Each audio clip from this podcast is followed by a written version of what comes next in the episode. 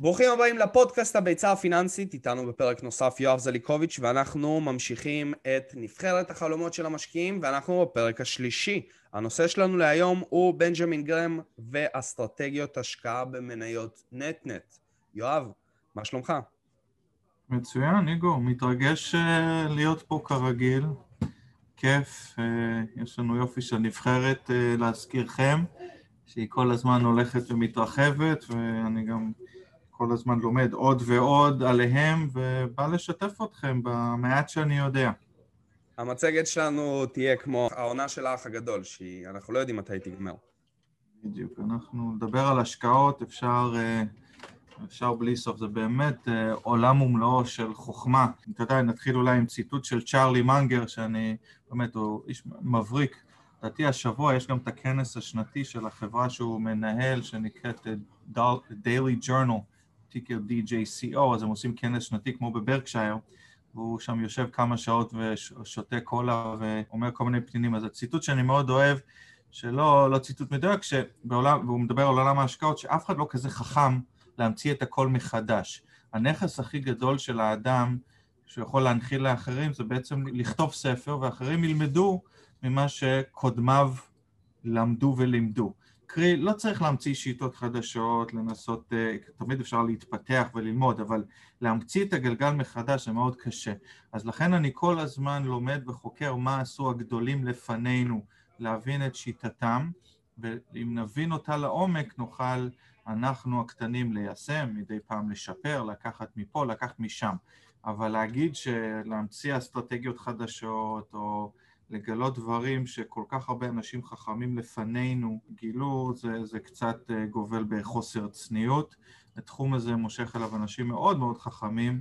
כל התופעות שאנחנו רואים היום גם חזרו על עצמם בצורה כזו או אחרת בהיסטוריה. גם התופעה הזאת של גיימסטופ וכולי, הדברים האלה מאוד מאוד cyclical ים.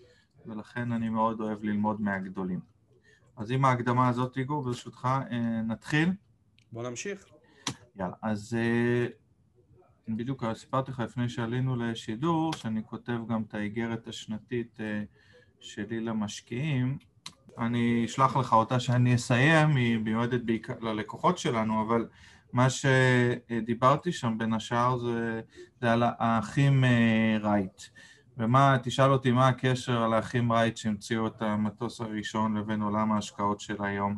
אתה יודע שהאחים רייט בזמנו, קודם כל יש ספר נהדר שמספר את כל ההיסטוריה שלהם, אבל הם היו, לפני שהם בכלל הגיעו למטוס, הם המציאו איזה אופניים שהיו מאוד מאוד פופולריים באותה תקופה, והם עברו מסע ארוך של תלאות וכולי.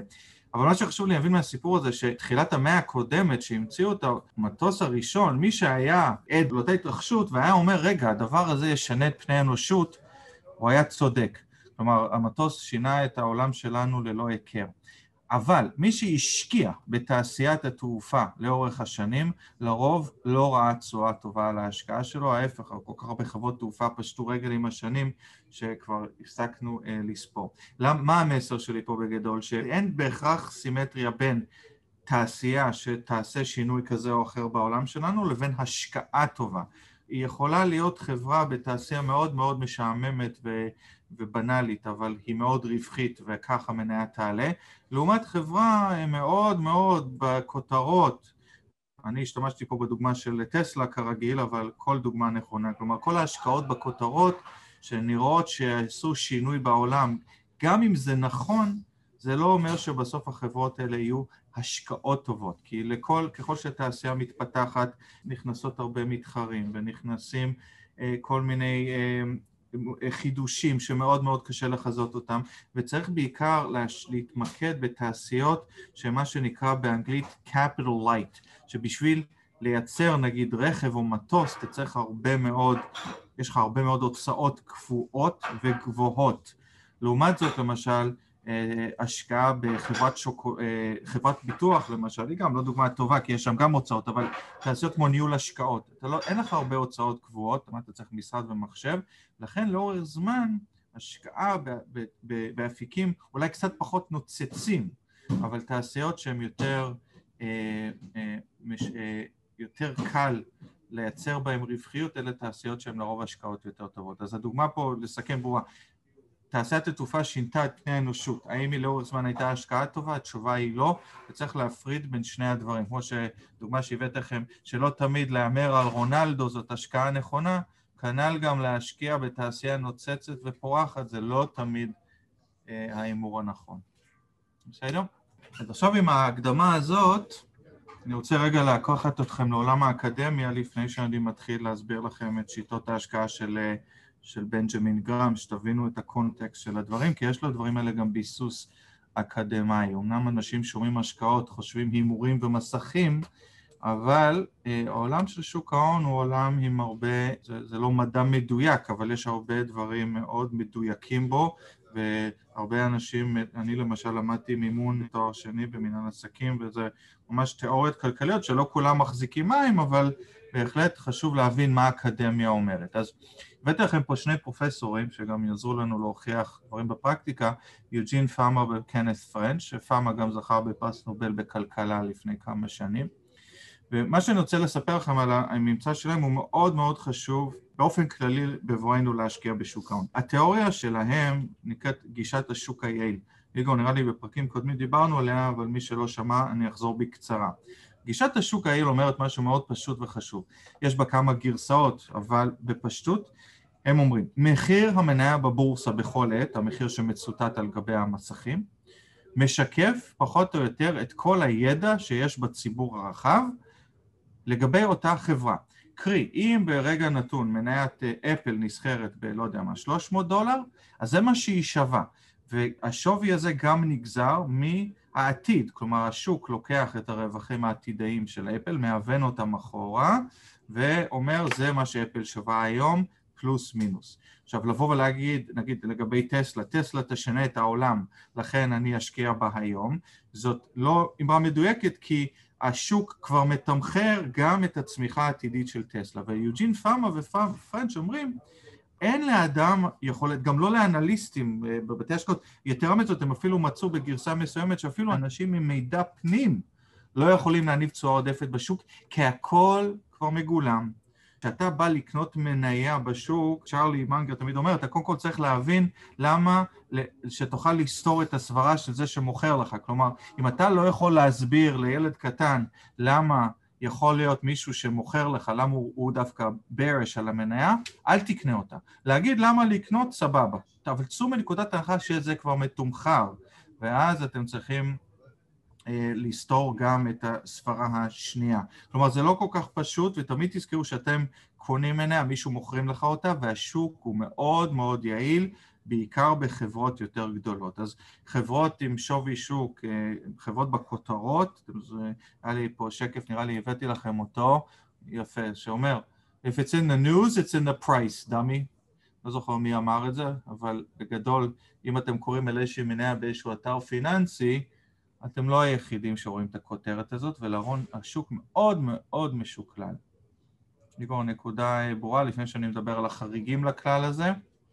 כן, לרוב, אה, כן, אם אתם תתחילו לראות דברים כאלה ואתם תראו שפתאום מתחילים לצאת כתבות אחרי שמניה עלתה מלא, אז כן, אז אתם יכולים להיזהר.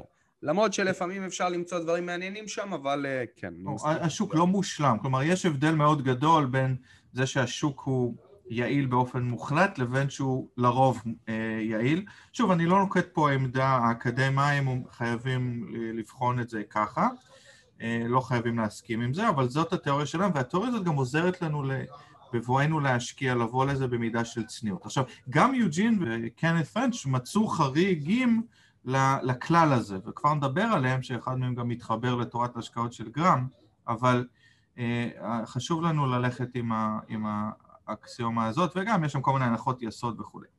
עכשיו, מה החריגים? עד, עד היום כבר מצאו איזה חמישה חריגים, אנחנו נדבר היום בעיקר על, אה, על שלושה מהם, אה, השניים ליותר דיוק. קודם כל באופן כללי מצאו שמניות הן מניבות תשואה יותר גבוהה מנכס חסר סיכון, בגלל שמניות הן יותר בהגדרה מסוכנות, הן יותר תנודתיות, ואז מניות מניבות תשואה עודפת כפיצוי עבור אותו סיכון שאדם נוטל שהוא משקיע. במניות, אוקיי? זה דבר ראשון. עכשיו, שני החריגים הנוספים שחשוב לי לדבר עליהם זה חריג של הראשון, מניות קטנות, שזה אומר מניות עם שווי שוק קטן. אם אתם זוכרים מגו בפרק הקודם או לפני שניים, אני לא זוכר, הראיתי לכם את הטבלה שמצביעה על כך שהיסטורית, במאה השנה שהם בחנו את זה, מצאו שמניות עם שווי שוק נמוך, ככל שהחברה היא עם שווי שוק יותר קטן, קרי כל החברה, בממוצע מניות מניבות תשואה יותר גבוהה. כלומר, המניות הגדולות מניבות פחות או יותר את ממוצע השוק, וככל שאתה הולך יותר קטן, אתה מניב תשואה יותר גבוהה.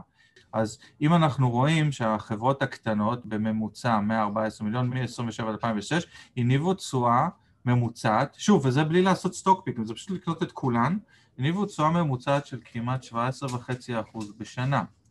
וככל שאתה שווי שוק הולך וגדל, אתה עולה ל-500, אתה במיליארד וחצי אתה כבר בתשואה ממוצעת של 12, אמ, וככל שאתה מתקרב לחברות היותר גדולות של המאה מיליארד, התשואה הממוצעת כבר מתכנסת לתשואת השוק.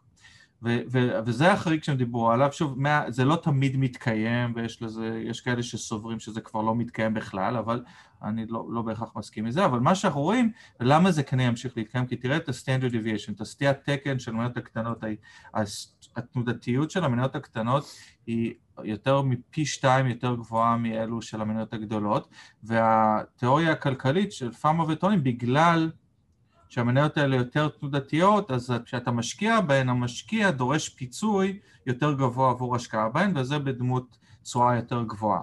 יגידו אנשים משקיעי ערך שכבר נדבר עליהם שזה לא מדויק, שהשוק פשוט לא יעיל והמשקיעים פשוט טועים פה, אבל הסיבה מדוע זה מתקיים לא כל כך חשובה לנו. מה שחשוב לי שתבינו מזה שפרקטית, שאתם מסתכלים על חברות יותר קטנות, יש סיכוי יותר טוב להניב שם תשואה עודפת.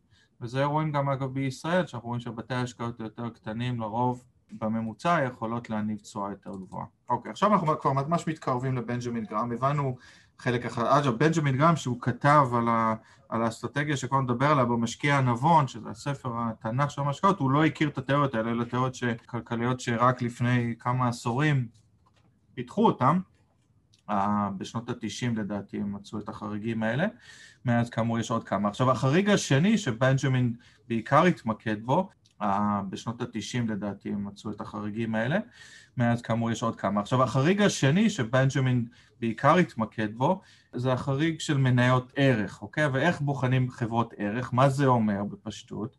כל חברה, אתה זוכר, יש לה, יש לה דוח כספי, ובדוח הכספי בנג'מין גראהם באסטרטגיה שנדבר עליה הוא מתעלם מהרווחים של החברה. הוא הולך למאזן, להון העצמי של החברה. פאמה ופרנץ' מצאו שבנוסף לכך שמניות עם שווי שוק קטן מכות המדדים, גם אם אתה הולך באופן סיסטמטי וקונה את המניות שנסחרות בדיסקאונט הכי עמוק להון העצמי שלהם. ומה זה אומר? קדימה. אז אנחנו, אני רוצה רק לתת לכם רגע דוגמה שתבינו אה, מה זה הון עצמי של חברה. אני רוצה לחזור לדוגמה של אה, חברה ישראלית שדיברנו עליה קצת, אה, שירותי בנק אוטומטיים.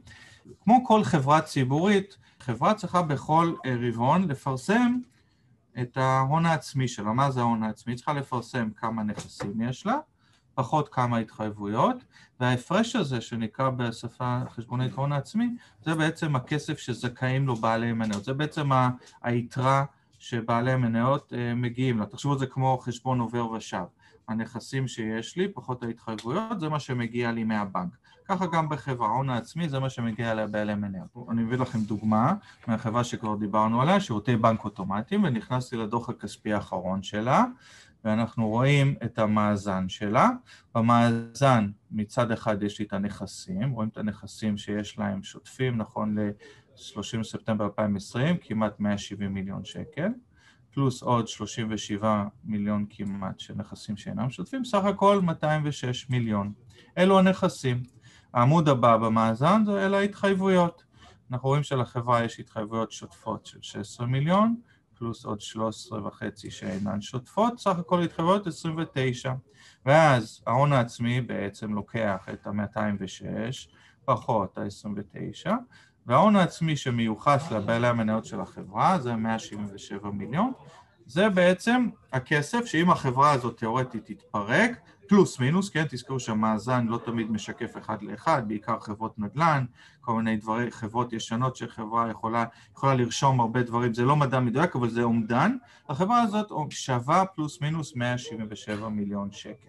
עכשיו, אני חוזר לביספורטל פה, אנחנו יכולים לראות את זה בעיניים, אבל אני רואה, רגע, אני משווה את השווי שוק של החברה, כלומר, כמה כל החברה נסחרת היום בשוק, השווי שוק של החברה בכסף זה 688 מיליון, אוקיי? וזה ביחס להון העצמי של 177, אז החברה נסחרת בפרמיה של כמה זה? בערך פי שלוש להון העצמי שלה. אני יכול גם, אם אני לא רוצה להיכנס כל חברה לקישקס, אני יכול בקצרה להיכנס לביס פורטל ולהיכנס לדוחות, הם מראים לי את המכפיל הון, מה שנקרא, כלומר, המכפיל הון לוקח לי כמה כל החברה נסחרת בבורסה, החברה נסחרת היום ב-688 אה, מיליון, וזה ביחס להון עצמי שראינו פה של 177, אז היחס הזה נותן לי את המכפיל הון שהוא בערך, אה, פה זה לא מעודכן בגלל שהמניה עלתה מאז, אבל זה בערך יחס של פי שלוש. אוקיי? אתם רואים פה אה, ביחס הפיננסי, הם אמרו מכפיל הון של 2.2, זה לפני שהמניה כנראה התחילה לעלות. עכשיו, מה אנחנו לומדים מזה? ובואו נחזור לפאמה ופרנץ' מהמצגת, איגור, בשבילך. מה הם אמרו? פאמה ופרנץ' אמרו, אם באופן היסטורי הייתי מתמקד ברכישת מניות רק שהן נסחרות בדיסקאונט להון העצמי שלהן. או בצורה אחרת, הם פשוט חילקו את כל המניות בבורסה האמריקאית, חילקו אותם לפי עשירונים, ואמרו מה היה קורה אילו בכל שנה הייתי רק קונה את המניות שהשווי שוק שלהם ביחס להון העצמי הוא יותר נמוך. קרי, אני מקבל נכסים פחות או התחייבויות של הון עצמי, ונגיד, אם במקרה של שירותי בנק אוטומטיים הייתי קונה את, ה, את כל החברה במקום ב-688, הייתי קונה אותם ב-100. ואז ב-100 מיליון החברה נסחרת בדיסקאונט של כמעט 50% להון העצמי שלה. ויש לא מעט חברות שנסחרות באזורים האלה, בדרך כלל חברות שאנשים לא אוהבים. והם מצאו שאם הייתי קונה רק את החברות האלה, הייתי מניב תשואה עודפת של כמעט פי שתיים יותר לשוק לאורך זמן. שזה מדהים, תחשוב בלי לעשות אנליזה, בלי להתחכם, אני באופן סיסטמטי קונה רק מניות שנסחרות בדיסקאונט להון העצמי שלהם בספרים. אוקיי? וזה מנוגד למה שרוב האנשים מנסים לעשות. רוב האנשים, ריגו, ותוך כדי דיברנו גם על זה בינינו, אתה מחפש חברה שנסחרת ב-100, ואתה צופה שהיא תעלה ל-200 ולכן אתה מוכן לקנות אותה ב-150. משקיעי ערך לא עושים דבר כזה, הם מחפשים לקנות חברה ששווה 100, לקנות אותו ב-50. קודם כל חושבים הגנה. הנקודה ברורה? אה, בגדול מאוד מאוד חשוב להתמקד ולשים לב שאתה קונה חברה, כמה אתה משלם וכמה אתה מקבל. ואם ההיסטוריה מלמדת אותנו משהו, זה ש... ותזכור, פאמה ופרנץ' זכו על זה בפרס נובל, שרכישת חברה לאורך זמן בדיסקאונט לערכה הכלכלי זה עדיף מאשר לשלם עליה פרמיה. נכון שיש חברות טובות ששם כן כדאי לשלם פרמיה, אבל זה מאוד מאוד קשה למצוא את החברות האלה וזאת אסכולה בפני עצמה שהיום אה, לא נגיע אליה אולי בהרצאות בהמשך. עכשיו בואו נחבר רגע בין שני העולמות האלה, יש לנו את האקדמיה ויש לנו את בנג'מין גאם. בנג'מין גאם, כמו שאמרתי, באמת לא הכיר את התיאוריות האלה, אבל הוא לימד שבעצם יותר נכון התיאוריה הכלכלית חיזקה את מה שהוא מצא, שהוא חיפש חברות לא רק שנסחרות בדיסקאונט להון העצמי שלהם, הוא חיפש חברות, והוא כתב על זה בספר, אסטרטגיה שלמה שנקראת מניות net-net. אלה חברות שנסחרות בדיסקאונט לנכסים בטווח קצר פחות כל ההתחייבויות, ואני כבר אדגים. אם נחזור רגע לחברה, אה, לשירותי בנק אוטומטיים, אם עד כה הסתכלנו בנכסים שלהם, גם נכסים שוטפים וגם נכסים שאינם שוטפים, בנג'מין גם אמר לא, מזה אני מתעלם. אני רוצה להסתכל רק על הנכסים הנזילים של החברה, 169. מזה הוא הפחית את כל ההתחייבויות של החברה, ואת המספר הזה הוא בחן ביחס לשווי השוק, ועוד דרש על זה הנחה של 66%. אני כבר אדגים, אוקיי? הוא חיפש נגיד חברה שבמקרה שלנו פה שירותי בנק אוטומטי, אני כבר אתן דוגמה שעומדת בקריטריון פה, היא לא, לא מתקיימת. אני לוקח 169, אגב, פה לפעמים עושים התאמות למספרים, אם זה מלאי אני מוריד גם מזה, אבל פה עם נכסים נראים דברים סך הכל שאני יכול לקחת 100%, אני לוקח 169 מיליון, מוריד מזה את כל ההתחייבויות של החברה של 29, ואת המספר הזה, שזה כמה זה יוצא לנו? יוצא לנו 100, 140. אה, המספר הזה, אני רוצה שהוא יהיה יותר נמוך מהשווי שוק של החברה, מה שכמובן במקרה הזה לא מתקיים. אבל רק שנמשיך לדוגמה, הייתי רוצה, אם השווי שוק של החברה היה 100 מיליון, אז החברת שירותי בנק אוטומטי הייתה נט-נט, חברה שעומדת בסטריאוטטים של גרם. אגב, גרם עשה כמעט 20% בשנה מהתמקדות, רק מהחברות מהסוג הזה. אגב, בשביל למצוא חברה שעומדת בקריטריונים האלה, בדרך כלל אלה חברות מאוד קטנות, כמו שגם פאמה ופרנץ' מצאו. חברה כמו אמזון ופייסבוק לא תגיע למצב כזה. למרות שאגב, אפל לפני 20 שנה, לפני האייפון, הייתה מניית net-net, אה, כי ממש נסחרה בדיסקאונט למזומן. ומה זה בעצם אומר? מה יש לנו פה? אם נבין רגע, בואו בוא ניתן דוגמה ואז נבין את זה רגע. בסדר, ניתן דוגמה של חברה שהיא כן net-net. גילוי נאות, גם זאת חברה שאנחנו משקיעים בה, אני עובר לחברות בחו"ל, כי בארץ מאוד קשה למצוא נטנט, למרות שהיו כמה בה עם הזמן. תראו את החברה הזאת, טיקר RBCN. זאת חברה שהשווי שוק של כל החברה, איגור, זה 27.5 מיליון דולר. בסדר? חברה קטנה עומדת, כל חברה מתחת ל-100 מיליון דולר זאת חברה קטנה. ואז אני נידח, נכנס לדוחות הכספיים שלה, אני הולך למאזן, אגב להון עצמי באנגלית אה, נקרא Stock Equity, אנחנו כבר רואים שה-Equity של החברה יותר גבוה מהשווי שוק שלה. כל החברה ניתן לרכוש ב-27 מיליון, וההון העצמי שלה היום הוא 33. אבל יתרה מזאת, תראו מה קורה אצלה. תראו את הנכסים הנזילים של החברה. לחברת הזאת יש 24 מיליון דולר במזומן, יש להם קצת נכסים אה, נוספים שהם אה, למכירה, סך הכל נכסים נזילים או שעומדים למחיר, אה, בטווח קצר 31, כמעט 32 מיליון דולר. נפחית מזה את כל, אני מתעלם מה-non-current assets, מהנכסים לטווח ארוך, נפחית מזה את כל ההתחייבויות שלה, שזה ה-total liabilities, מיליון וחצי, אני מגיע בערך ל-30 מיליון דולר. עכשיו אני מזכיר, החברה, כל החברה נסחרת ב-27 מיליון איגו, ואני היום קונה אותה ב-27 מיליון, ויש לה נכסים שוטפים, פחות התחייבויות של 30. אם אנשים פה ששומעים אותנו כבר עד כה, הם צריכים להבין מיד שיש פה משהו שהוא אבסורד.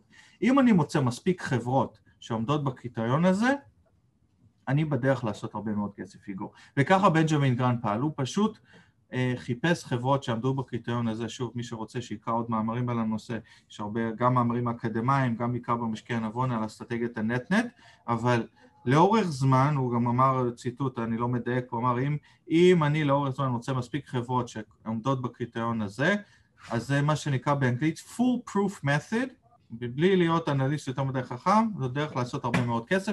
ושים לב, לא דיברתי על הרווחים שלהם, לא דיברתי, נכנסתי לקישקס, כמובן שאני היום כאנליסט אני נכנס קצת יותר לעומק של החברה ואני לא כל, כל חברה שהיא נט-נט, אבל אם אני מוצא מספיק חברות כאלה, גם אם אני אקנה את כולן אגב, המחקרים מראים שאפשר להניב פה תשואות, אפילו אני לא רוצה להישמע שנדבר אה, מספרים מטורפים מדי, אבל אפשר לעשות פה אפילו, באפט שהוא עשה את זה עשה 30-40 אחוז בשנה ככה, אוקיי?